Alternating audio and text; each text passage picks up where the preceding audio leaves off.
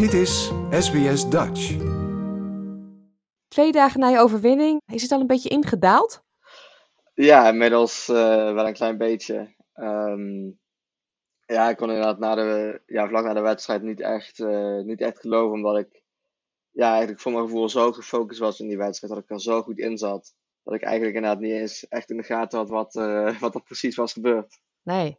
Ik heb zitten kijken uiteraard en in de eerste set dacht ik, oh jee, daar gaat uh, meneer Elkot gewoon uh, overheen, uh, walsen bijna. Maar ik weet niet wat er gebeurde in het hol van de leeuw. ik weet niet wat hij had voor kracht. Maar jij draaide dat gewoon even helemaal om. Ja, nee, het was inderdaad in het begin even spannend. Um, voor mij de eerste keer om op, op het rood leven te spelen. En ook de eerste keer met, met, met zoveel publiek eigenlijk. Meestal komen er wel wat, wat mensen kijken, misschien ja, maximaal 100 mensen, zeg maar. En het waren toch een, ja, ongeveer 6000 uh, mensen die live uh, mee waren aan het kijken. Dus dat was inderdaad wel even wennen.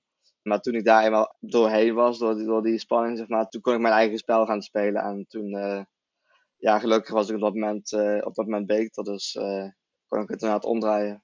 -hmm. Je speelde tegen Dylan Elcott, net verkozen tot Australian of the Year ook. Een grootheid hier in Australië. Merkte je dat ook in de sfeer in de arena? Ja, je weet natuurlijk van tevoren heel goed dat het, uh, ja, het publiek gewoon uh, voor, voor Dylan uh, voor elke bal zal klappen. Um, ja, het publiek heeft zich gelukkig heel goed gedragen. Totaal niet tegen mij geweest. maar wel natuurlijk overduidelijk voor Dylan. Maar goed, als, als ik zelf een mooie bal zou spelen, dan zouden ze ook, dan, dan klappen ze ook gewoon. Dus uiteindelijk kreeg ik er zelf ook wel heel veel energie van. -hmm. Ja, het was zijn aller, aller, allerlaatste wedstrijd. Voel je je dan ook nog een beetje lullig misschien? Van, oh jee, nou heb ik hem gewonnen. nee, ja, die vraag heb ik inderdaad al, ja, vaker gekregen. Maar voor mij is het inderdaad echt gewoon, weet je, ik wil die wedstrijd, ongeacht um, of het zijn laatste wedstrijd is of niet, wil ik die wedstrijd ook winnen natuurlijk. Maar het is inderdaad wel grappig om, uh, om die vraag wel vaker te krijgen. Maar nee, ja, ja uiteindelijk heel erg blij dat ik het toch... Uh, onder die druk, zeg maar, toch, uh, toch heb kunnen doen. Ja, het is je tweede Grand Slam overwinning, hè? Je hebt ook al de US Open gewonnen in 2020, als ik het goed heb. Ja, ja dat klopt. Uh, dat was inderdaad ook um, ja, mijn eerste Grand Slam toernooi. En daar ook inderdaad uh, uiteindelijk in de finale, op een of andere manier is het me gelukt om inderdaad uh, die finale van Dylan toen, toen te winnen, ja. Ook al tegen hem, ja. En je was toen, ik bedoel, je bent nog steeds piepjong, maar toen was je echt een jaar of twintig? Ja, ja, toen was ik inderdaad net, nog net geen 21, ja. ja. Je bedankte op social media Tennis Australia ook hè, voor uh, wat ze doen voor rolstoeltennis. Wat, wat doen zij anders? Of waarom is het zo bijzonder om in Australië te spelen als rolstoeltennisser? Nou, ik denk dat we gewoon veel meer ja, gelijkgesteld worden aan het, aan het valide tennis tijdens de Australian Open. Dat er veel meer aandacht is op social media. Dat we op grotere banen spelen. Dit was voor mij de eerste keer dat er een, uh, een uh, finale was van het rolstennis op uh, World Lever Arena. Dat is gewoon heel bijzonder om dat, uh, om dat mee te maken, want het gebeurt echt gewoon niet, uh, niet echt vaak. Mm -hmm. Nee. Net voor het begin van de Australian Open was natuurlijk heel veel gedoe over Djokovic. Merk jij daar als, als tennisser ook veel van? Ja, ik heb natuurlijk zeker wel, wel, wel de nieuwsites uiteraard wel, ja, wel elke dag gevolgd. Um... Maar hebben spelers daar onderling over dan over, bijvoorbeeld? ja, wel met elkaar wat, maar eigenlijk niemand van ons wist überhaupt iets van de details, zeg maar. Nee. Um, ja, dus wij kregen ook van de toernooiorganisatie niet echt iets, uh, iets te horen. Totdat er echt een, een, besluit was gekomen door de overheid. Ik persoonlijk heb er eigenlijk helemaal niks over gezegd, omdat ik eigenlijk ook gewoon helemaal niks, niks wist over, over echt de daadwerkelijke uh, feiten. Mm -hmm. Nee, maar was het stressen de afgelopen weken met je moet natuurlijk jezelf eigenlijk een beetje opsluiten, omdat je bang bent dat je, dat je het virus krijgt, lijkt me. Ja, we zijn natuurlijk heel, uh, heel alert en heel. Uh, neemt totaal geen, geen risico eigenlijk. Je bent op het park en voor de rest zijn we eigenlijk alleen bij een hotel geweest. Uh, we zijn eigenlijk nooit echt de stad ingegaan. Mm -hmm. Omdat dat inderdaad eigenlijk gewoon een onnodig, onnodig risico is. Wat je op zo'n groot toernooi eigenlijk niet. dat, dat ga je niet nemen. Dus dat hebben we ook niet gedaan. Dus was inderdaad eigenlijk gewoon een maand lang van hotel naar, uh, naar tennisbaan en terug. Dus, uh, dus dat was wel, wel pittig af en toe. Maar goed, dat weet je van tevoren als je naar Australië gaat, dat dat, uh, dat, dat het geval zou gaan zijn. Ja, moest je ook elke dag testen bijvoorbeeld? nee, nee, je moest op Eh, je moest de eerste dag, als je aankomt, moest je een PCR-test doen. En op dag 5. En dat was het in principe. Daarna is het alleen maar als je zelf klachten zou hebben, dat je je kan laten testen als je wil. Mhm. Ehm, wat natuurlijk ook wel wordt aangeraden. Maar voor de rest wordt er, zijn er geen verplichtingen om na die tweede PCR-test, om dan nog een test te doen. Nee, Nee, niet van die laatste- of zo. nee, nee je, je kan inderdaad een sneltest doen, elke dag. Maar voor de rest is het inderdaad alleen als je weer naar huis gaat natuurlijk voor, eh, voor in het vliegtuig, dat je wel een bewijs moet hebben dat je negatief bent. Ja, want jij bent alweer thuis, hè? Ik zag dat Diede de Grote eh, aan het genieten is, toch nog een beetje van Australië. Waarom ben jij alweer thuis? Ja, ja ik ben inderdaad eh, vanochtend, eh, zaterdagochtend, weer thuis aangekomen op, op Schiphol.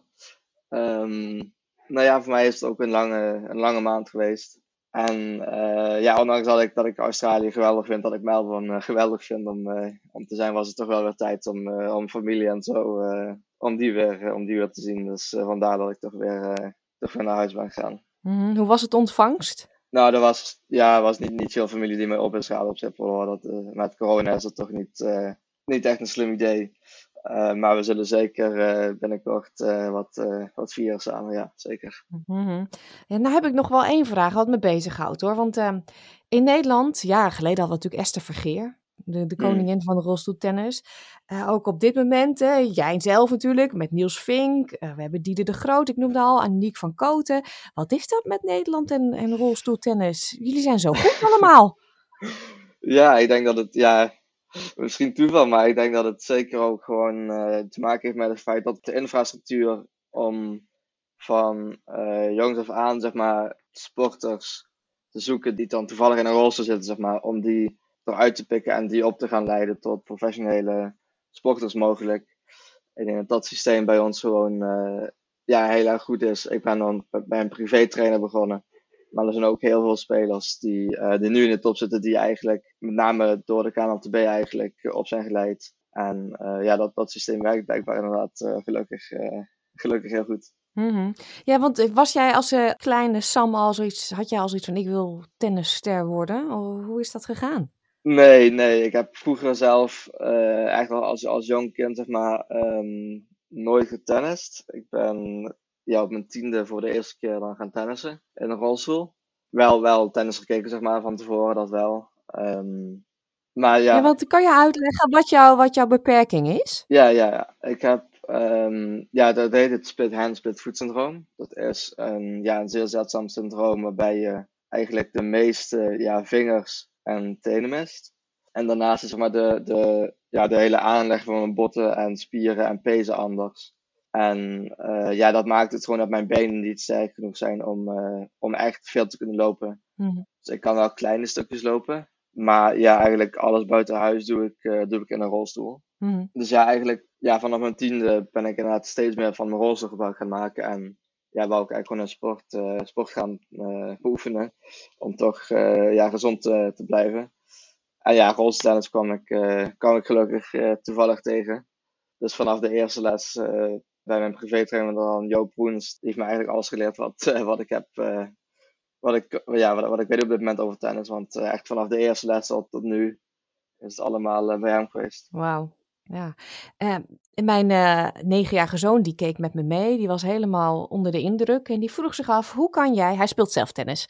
Hoe kan jij je racket goed vasthouden als je niet vijf vingers hebt? Ja, ja. Je hebt er? Hoeveel heb jij er? Ja, ik heb eigenlijk ehm, een deel van mijn duim heb ik. Ja. En dan heb ik ehm, nog, nog, nog één vinger, zeg maar, nog één grote vinger. Eh, maar dat is inderdaad lang niet genoeg eh, om het racket echt tijdens het spelen vast te houden. Mhm. Ik kan het zo wel los vasthouden, maar als er een bal tegenaan zou komen, zou dat al eh, te veel zijn, zeg maar. De impact. Ja, Ja. ja dus ik heb, toen ik begon met tennis, ben ik begonnen door mijn racket vast te pakken. En eigenlijk gewoon een rol sporttape eromheen te draaien. Ja, dat was op dat moment eigenlijk de enige eh, oplossing die, die wij kenden. En dat er in het buitenland ook een aantal spelers waren die dat deden. Ja, dat hebben we een aantal jaren volgehouden. Ik denk vijf of zes jaar. En toen zijn we bij een bedrijf, Smees Loopcomfort, wat bij ons in, eh, in Geleen zit, eh in aanmerking gekomen. Die, ehm, ja, die maken eigenlijk orthopedische schoenen en van alles. En die hebben toen een, een speciale brace voor mij ontwikkeld. Handgemaakt voor mijn hand eigenlijk. Dat is een, een, een brace die op het racket is zet vastgeschroefd.